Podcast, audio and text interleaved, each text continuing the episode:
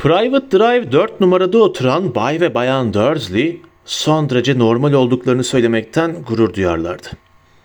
Garip ya da gizemli işlere bulaşacak son kişilerdi. Böyle saçmalıklara kafa yormazlardı çünkü. Bay Dursley matkap yapan Granings adlı bir şirketin yöneticisiydi. İri yarı, kalıplı bir adamdı. Boynu yok gibiydi. Ama koskoca bir bıyığı vardı.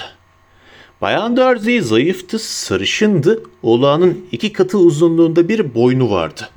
Bu da bahçe çitlerinin üstünden kafasını uzatıp komşuları gözetlemekte pek işine yarıyordu. Dudley adında küçük bir oğulları vardı Dursley'lerin. Kendilerine bakılırsa dünyada ondan kusursuz bir çocuk bulunamazdı. Dursley'ler istedikleri her şeye sahiptiler. Ama bir gizleri vardı. Biri kalkıp da bunu anlayacak diye ötleri kopardı. Potter'ların ortaya çıkarılmasına katlanabileceklerini hiç sanmıyorlardı. Bayan Potter, Bayan Dursley'nin kardeşiydi. Ama birkaç yıldır görüşmemişlerdi. Aslına bakılırsa Bayan Dursley hiç kardeşi yokmuş gibi davranıyordu. Çünkü kardeşi de onun beş para etmez kocası da Dursley'lere hiç mi hiç benzemiyorlardı. Potter'lar sokakta boy gösterirse komşuların ne diyeceğini düşünmek bile tüylerini ürpertiyordu. Potter'ların küçük bir oğulları olduğunu biliyorlardı. Ama hiç görmemişlerdi onu. Bu oğlan da Potter'ları yanlarına yaklaştırmamak için bir başa geçer nedendi. Dudley'nin öyle bir çocukla içli dışlı olmasını istemiyorlardı. Bay ve Bayan Dursley öykümüzün başladığı o kasvetli kurşuni salı sabahı uyandıklarında yakında bütün ülkeyi saracak garip, gizemli şeylerin habercisi olabilecek hiçbir şey yoktu bulutlu gökte. Bay Dursley işe giderken taktığı en tatsız kravatı seçerken bir şarkı mırıldanıyor. Bayan Dursley de çığlıklar atan Dudley'i yüksek iskemlesine oturtmak için boğuşurken keyifli keyifli dedikodu yapıyordu. Hiç biri kahverengi bir baykuşun pencerenin önünden kanat çırparak geçtiğini fark etmedi. Sekiz buçukta Bay Dursley çantasını aldı. Bayan Dursley'nin yanağına öyle bir öpücük kondurdu. Dudley'e de bir hoşçakal öpücüğü vermeye çabaladı ama ıskaladı. Dudley bir bunalım geçirmekteydi çünkü mamasını duvara fırlatıyordu. Evden ayrılırken küçük yumurcak diye kıkırdadı Bay Dursley. Arabasına bindi. Dört numaranın bahçesinden geri geri çıktı. Garip bir şeyin ilk belirtisini fark etti. Sokağın köşesinde haritaya bakan bir kedi. Bay Dursley bir an ne gördüğünü kavrayamadı. Sonra bakmak için başını arkaya çevirdi. Private Drive'ın köşesinde bir tekir kedi duruyordu ama görünürlerde harita falan yoktu. Zaten olacak iş miydi bu? Bir ışık oyunuydu olsa olsa. Kirpiklerini kırpıştırdı Bay Dursley. Gözlerini kediye dikti. Kedi de ona dikti gözlerini. Bay Dursley köşeye dönüp yolda ilerlerlerken boyna kediye baktı dikiz aynasından. Şimdi de Private Drive yazılı tabelayı okuyordu. Hayır, tabelaya bakıyordu, okumuyordu. Kediler ne harita inceleyebilir ne de tabela okuyabilirlerdi değil mi? Hafifçe silkindi Bay Dursley. Kediyi kafasından çıkardı. Kente doğru ilerlerken o gün almayı umduğu büyük bir matkap siparişinden başka bir şey düşünmemeye koyuldu. Ama kente girerken kafasındaki matkapların yerini başka bir şey alıverdi. Sabahın olağan trafik sıkışıklığında beklerken çevrede garip giyimli bir sürü insan fark etti. Pelerinli insanlar. Bay Dursley gençlerin sırtında görülen o tuhaf elbiseleri giyenlerden hiç hoşlanmazdı. Bu da saçma sapan yeni modalardan biriydi herhalde. Direksiyona vurmaya başladı parmaklarıyla. Gözleri bu manyakların az ötede oluşturduğu bir topluluğa takıldı. Heyecanlı heyecanlı bir şeyler fısıldaşıyorlardı. Bay Dursley bazılarının hiç de genç olmadığını görünce küplere bindi. İşte şu adam kendisinden çok daha yaşlıydı. Üstelik zümrüt yeşili bir pelerin atmıştı omuzlarına. Ya cesarete bak. Derken kafasına dank etti Bay Dursley'nin. Bu olsa olsa uyduruk bir gösteriydi. Bir şey için para topluyorlardı. Evet, mutlaka öyleydi. Trafik açıldı. Bay Dursley birkaç dakika sonra Greenings otoparkındaydı. Aklında matkaplar vardı sadece. Bay Dursley 9. kattaki odasında sırtını pencereye vererek otururdu hep. Öyle yapmasa o sabah aklını matkaplara vermesi biraz güç olacaktı. Baykuşların güpe gündüz süzülerek geçtiğini görmedi. Ama aşağıda sokaktaki insanlar gördüler bunu. Ağızları açık, birbiri ardı sıra tepelerine süzülen baykuşlara baktılar. Onları parmaklarıyla gösterdiler. Çoğu geceleyin bile baykuş görmemişti ama Bay Dursley son derece olağan, baykuşsuz bir sabah geçirdi. Beş ayrı kişiye bağırdı. Önemli birkaç telefon görüşmesi yaptı. Biraz daha bağırdı. Öğle yemeğine kadar keyfi yerine gelmişti. Bacaklarını çalıştırmak, sokağın karşısına yürüyüp fırından bir çörek almak istedi. Pelerinli insanlar aklından bütün bütüne çıkmıştı ki içlerinden bazılarına rastladı fırının orada. Yanlarından geçerken öfkeyle baktı. Nedenini bilmiyordu ama tedirgin oluyordu onlardan. Bunlar da heyecanlı heyecanlı fısıldaşıyorlardı.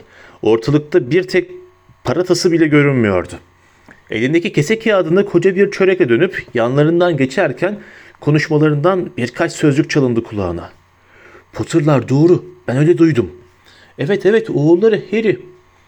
Kas katı kesilmişti Bay Dursley. Her yanını korku sardı. Bir şey söyleyecekmiş gibi fısıldaşanlara baktı ama vazgeçti. Yolun karşısına geçti hızla. Bürosuna koştu. Sekreterine rahatsız edilmemesini söyledi. Telefona sarıldı. Evinin numarasını tam çevirmişti ki kararını değiştirdi. Telefonu yerine bıraktı. Bıyıklarını sıvazlayarak düşündü. Hayır. Düpedüz aptallık ediyordu. Potter öyle pek alışılmadık bir at değildi ki. Harry diye oğulları olan Potter adında kim bilir kaç kişi vardı. Üstelik yeğenin adının Harry olup olmadığından da emin değildi. Çocuğu görmemişti ki. Belki de Harvey'di ya da Harold. Bay Dursley'i, Bayan Dursley'i telaşlandırmanın bir anlamı yok diye düşündü. Kardeşin adını söyleyince bile tedirgin olurdu karısı. Onu suçlamıyordu. Kendisinin de öyle bir kardeşi olsaydı... Ama ya o kişiler, o pelerinli insanlar. O ikindi kafasını matkaplara veremedi. Ulan haksızdı bu saat 5'te binadan ayrılırken öylesine dalgındı ki kapının tam önünde birine çarptı. Sen de deyip az kalsın yere düşecek sıska ihtiyara özür dilerim diye homurdandı.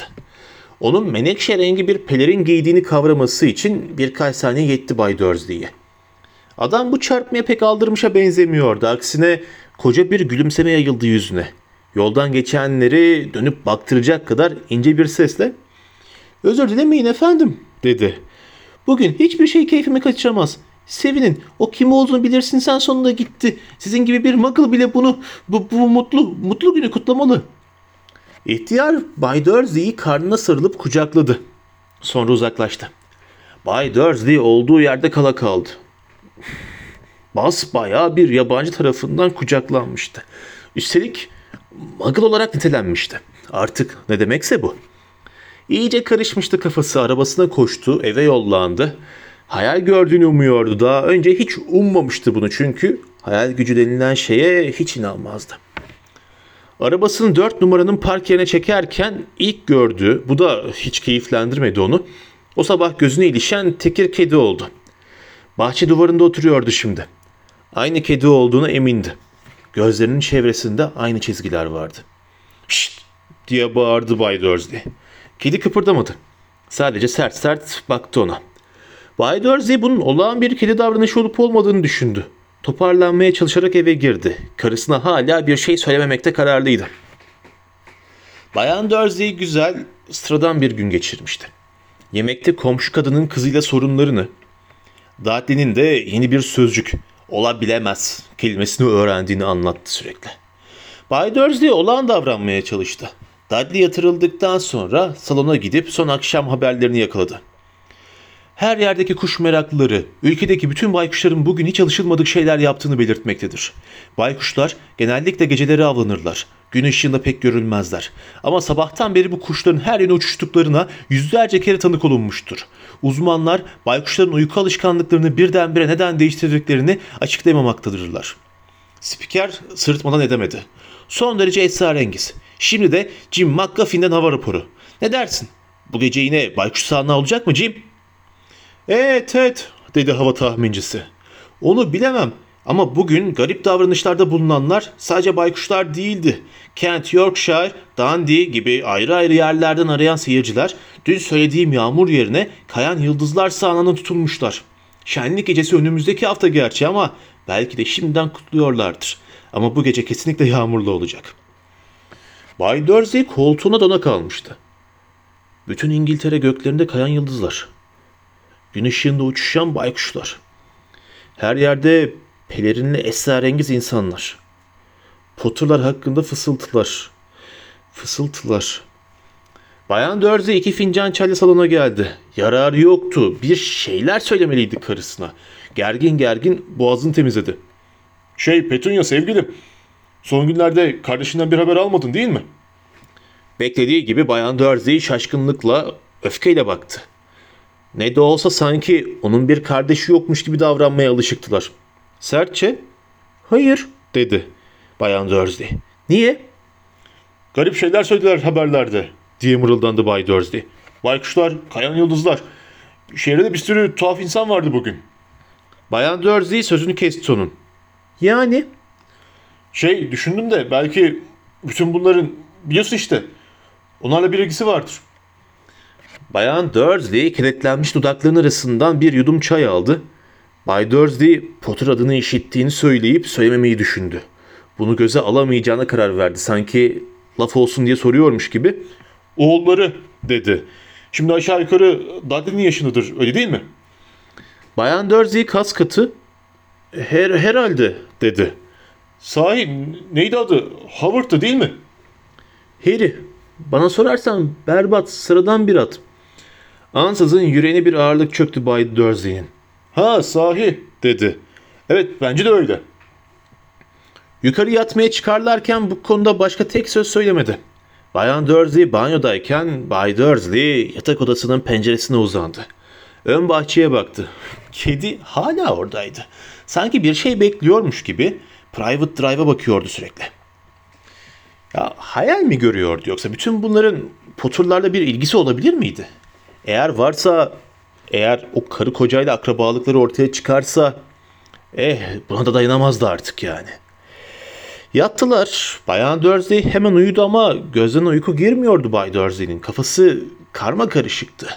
Uykuya dalmadan önce Potter'ların bu işle bir ilgileri olsa bile ne kendisine ne de Bayan Dursley'e yanaşamayacaklarını düşündü de rahatladı. Potter'lar onun da Petunia'nın da kendileri için, kendilerine benzeyenler için ne düşündüklerini pekala biliyorlardı. Bu olanları onun da Petunia'nın da bulaşması olan haksızdı. Esnedi, yan döndü. Kendilerini etkilemezdi bu. Nasıl da yanılıyordu. Bay Dursley tedirgin bir uykuya dalıyordu belki ama dışarıda duvarın üstündeki kedinin uykusu hiç mi hiç gelmemişti. Heykel gibi oturuyordu orada. Gözlerini hiç kırpmadan Private Drive'ın uç köşesine dikmişti. Yan sokakta bir arabanın kapısı çarpıldığında da tepesinden iki baykuş süzüldüğünde de titremedi bile. Hiç kıpırdamadan öylece durdu gece yarısına kadar. Kedinin baktığı köşede bir adam belirdi. Öylesine ansızın, öylesine sessizce belirmişti ki sanki yerden fışkırmış gibiydi. Kedinin kuyruğu titredi, gözleri kısıldı. Böyle bir adamın benzeri Private Drive'da daha önce hiç görülmemişti. Uzun boyluydu, zayıftı, saçının sakalının kırlarına bakılırsa çok yaşlıydı. Saçı da sakalı da kemerine sıkıştırılacak kadar uzundu. Uzun giysiler vardı üstünde, yerleri süpüren mor bir pelerin. Uzun topuklu tokalı çizmeler giymişti. Açık mavi gözleri dar çerçeveli gözlüğünün arkasından ışıl ışıl parlıyordu. Upuzun kemerli burnu sanki en az iki kere kırılmışa benziyordu. Bu adamın adı Albus Dumbledore'du. Albus Dumbledore adından çizmelerine kadar hiçbir şeyin hoş karşılanmadığı bir sokağa geldiğinin farkında değildi. Pelerini karıştırmaktaydı sürekli. Bir şey arıyordu. Ama gözetlendiğinin farkına vardı. Başını kaldırdı ansızın. Sokağın öteki ucundan kendisine gözlerini dikmiş kediye baktı. Nedense kedinin varlığı onu pek eğlendirmişti. Kıkırdayarak ''Bilmeliydim bunu'' diye mırıldandı. Aradığı şeyi iç cebinde buldu. Gümüş bir çakmaktı bu. Kapağını açtı, havaya kaldırdı, çaktı. En yakındaki sokak lambası püf diye sönüverdi. Yine çaktı, bir sonraki lamba da karanlığa gömüldü. 12 kere çaktı püfürü. Sokakta sadece iki ışıltı kalıncaya dek. Kendisini gözetleyen kedinin gözleriydi bunlar.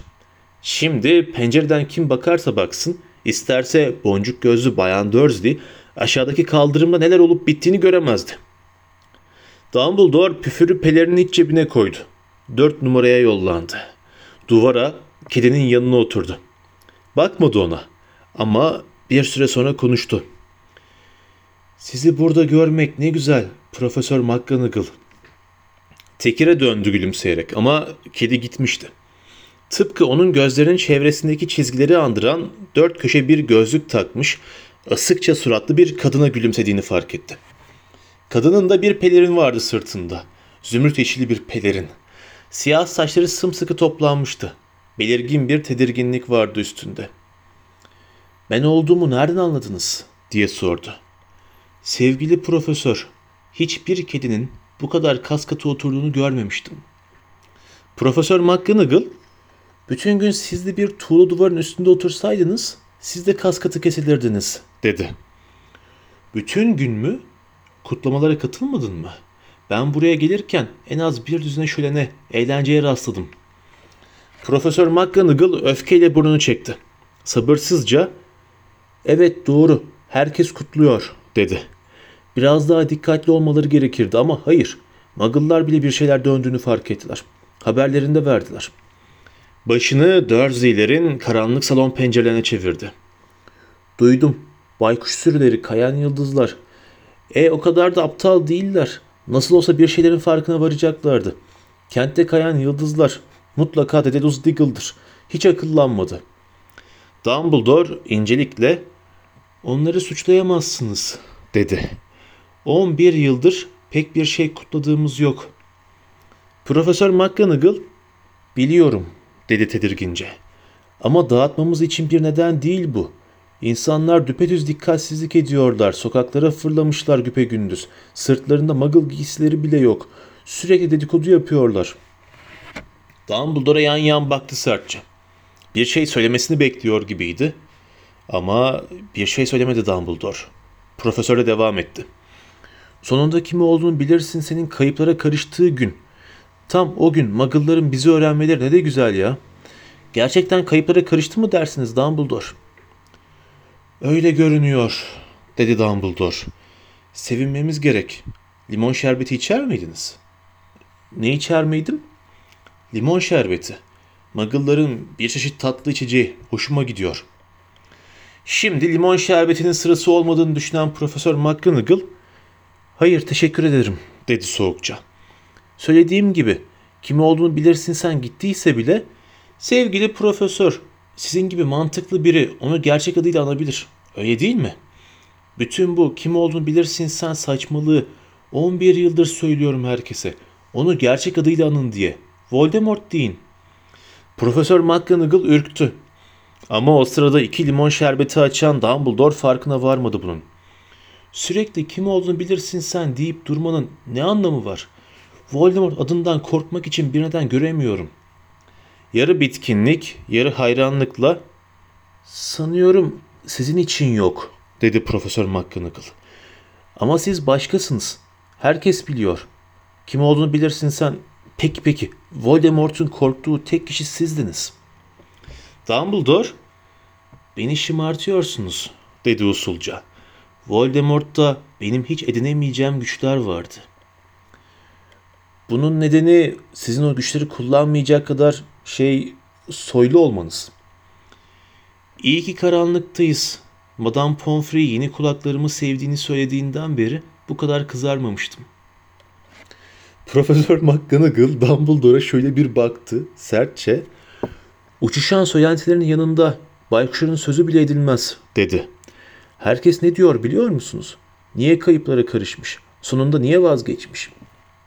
Anlaşılan Profesör McGonagall konuşmanın en can alıcı noktasına gelmişti. Bütün gün soğuk sert bir duvarda bekleyip durmasının gerçek nedeniydi bu. Yoksa ne kedi ne de kadın olarak Dumbledore'a gözlerini böyle yırtıcı bakışlar fırlatarak dikemezdi. Şimdi Herkes ne söylerse söylesin, Dumbledore bunların gerçek olduğunu belirtinceye kadar hiçbir şeye inanmayacağı apaçık ortadaydı. Ama o sırada bir başka limon şerbeti seçmekteydi Dumbledore. Yanıt vermedi. Anlatılanlara göre diye üstledi Profesör McGonagall. Voldemort dün gece Godric's Hollow'da görülmüş. Oraya Potter'ları bulmaya gitmiş. Söylentilere bakılırsa Lily ile James Potter galiba galiba ölmüşler. Dumbledore başını öne eğdi. Profesör McGonagall derin bir soluk aldı. Lily ile James. İnanamıyorum. İnanmak istemedim buna. Ah Albus. Dumbledore elini uzatıp omzuna vurdu. Ona acılı bir sesle "Biliyorum. Biliyorum." dedi. Konuşmayı sürdürürken Profesör McGonagall'ın sesi titriyordu. "He- hepsi bu kadar değil. Potter'ların oğlunu Harry'i de öldürmeye kalkmış. Kim olduğunu bilirsin sen ama öldürememiş. O küçük çocuğu öldürememesinin ne- nedenini nasılını kimse bilmiyor. Ama söylentilere bakılırsa Harry Potter'ı öldüremeyince Voldemort'un gücü de yok oluvermiş. Bu yüzden kayıplara karışmış işte. Dumbledore kederle baş sallayarak onu onayladı. Profesör McGonagall acaba acaba doğru mu diye kekeledi. Bütün o yaptıklarından sonra o kadar insanı öldürdükten sonra küçük bir çocuğu öldüremez miydi? Akıl almayacak bir şey. Böyle bir şey yapamaz mıydı? Tanrı aşkına nasıl oldu da Harry sağ kaldı? Sadece tahmin yürütebilirim dedi. Belki aslını hiç öğrenemeyeceğiz. Profesör McGonagall bir dantel mendil çıkarıp gözlüğünün altından gözlerini kuruladı. Dumbledore da burnunu çekerek cebinden bir altın saat çıkardı. Onu inceledi. Çok garip bir saatti bu. 12 yelkovanı vardı ama hiç rakam yoktu üstünde. Rakamlar yerine çevresinde küçük gezegenler hareket ediyordu. Bunların herhalde bir anlamı vardı Dumbledore için. Çünkü yeniden yerine koydu saati. Hagrid gecikti dedi. Sahi, burada olacağımı sanırım o söylemiştir size. Öyle değil mi? Evet, dedi Profesör McGonagall. O kadar yer dururken kalkıp neden buraya geldiğinizi sanırım anlatmayacaksınız bana. Harry'i teyzesiyle eniştesine getirmeye geldim. Ailesinden sadece onlar kaldı şimdi. Profesör McGonagall ayağa fırlayıp dört numarayı göstererek yani burada oturan insanlardan mı söz ediyorsun yoksa diye bağırdı. Dumbledore bunu yapamazsın. Bütün gün onları gözetledim. Onlar kadar bize hiç mi hiç benzemeyen başka iki kişi yoktur. Bir de oğulları var. Gördüm onu şeker alsın diye çığlıklar atarak annesini sokak boyunca tekmede durdu. Harry Potter gelip burada mı oturacak? Dumbledore kesin bir sesle burası onun için en iyi yer dedi. Büyüyünce teyzesiyle eniştesi ona her şeyi anlatırlar. Onlara bir de mektup yazdım. Profesör McGonagall yeniden duvara oturarak cılız bir sesle mektup mu diye tekrarladı. Gerçekten Dumbledore bütün bunları bir mektupla açıklayabileceğini mi sanıyorsun? Bu insanlar onu hiç anlamayacak. Ünlü olacak ileride, bir efsane olacak. Gelecekte bugün Harry Potter günü olarak anılırsa hiç şaşmam. Harry üstüne kitaplar yazılacak. Dünyamızdaki bütün çocuklar onun adını öğrenecek. Dar çerçeveli gözlüğün üstünden son derece ciddi bakarak Tas tamam öyle dedi Dumbledore. Her çocuğun başını döndürebilir bu. Daha yürümeden, konuşmadan üne kavuşmak. Hiç hatırlamayacağı bir şey yüzünden ünlü olmak. Anlamıyor musunuz? Böylesi çok daha iyi. Hiç olmazsa anlayacağı zamana kadar bütün bunlardan uzak kalır. Profesör McGonagall ağzını açtı, fikrini değiştirdi, yutkundu. Sonra "Evet evet, haklısınız elbette." dedi. Ama çocuk nasıl geliyor buraya Dumbledore? Sanki Harry altına saklanıyormuş gibi onun pelerine bir göz attı ansızın. Hagrid getiriyor onu. Hagrid'e böylesine önemli bir şey için güvenmek akıllıca mı sizce? Hagrid'e canımı bile emanet ederim, dedi Dumbledore. Profesör McGonagall hasetle, yüreği bizimle birliktedir, ben de biliyorum bunu, dedi. Ama dikkatsiz olduğunda göz ardı edemezsiniz. Birazcık, neydi o? Çevrelerindeki sessizliği uzaklardan bir motor sesi bozmuştu. Sokağın iki başına bakarak bir taşıt ışığı aramaya başladılar. Ses gittikçe yükseldi. Kafalarını gökyüzüne çevirdikleri sırada gümbürte dönüştü. Havadan koca bir motosiklet inip yola tam önlerine kondu. Motosiklet kocamandı gerçi ama onu kullanan adamın yanında hiç kalıyordu. Sıradan bir adamın yaklaşık iki katı kadar uzun, en az beş katı kadar da şişmandı. Dudak uçuklatacak kadar iri ve yabaniydi. Çalıya benzer siyah uzun saçlarıyla sakalı yüzünün büyük bölümünü örtüyordu. Çöp bidonu kapakları büyüklüğünde elleri vardı. Deri çizmeli ayakları yunus yavrularına benziyordu. Uçsuz bucaksız kaslı kollarında battaniyeden bir boşa tutuyordu. Hagrid dedi Dumbledore. Rahatlamışa benziyordu. Sonunda o motosikleti nereden buldun? Ödünç aldım Profesör Dumbledore efendim. dedi dev. Konuşurken dikkatle motosikletin indi. Genç Sirius Black verdi. Onu getirdim efendim. Bir sorun çıkmadı değil mi? Hayır efendim ev neredeyse yerle bir olmuştu ama muggle'lar üşüşmeden onu çıkarmayı başardım. Bristol üstünde uçarken uykuya daldı.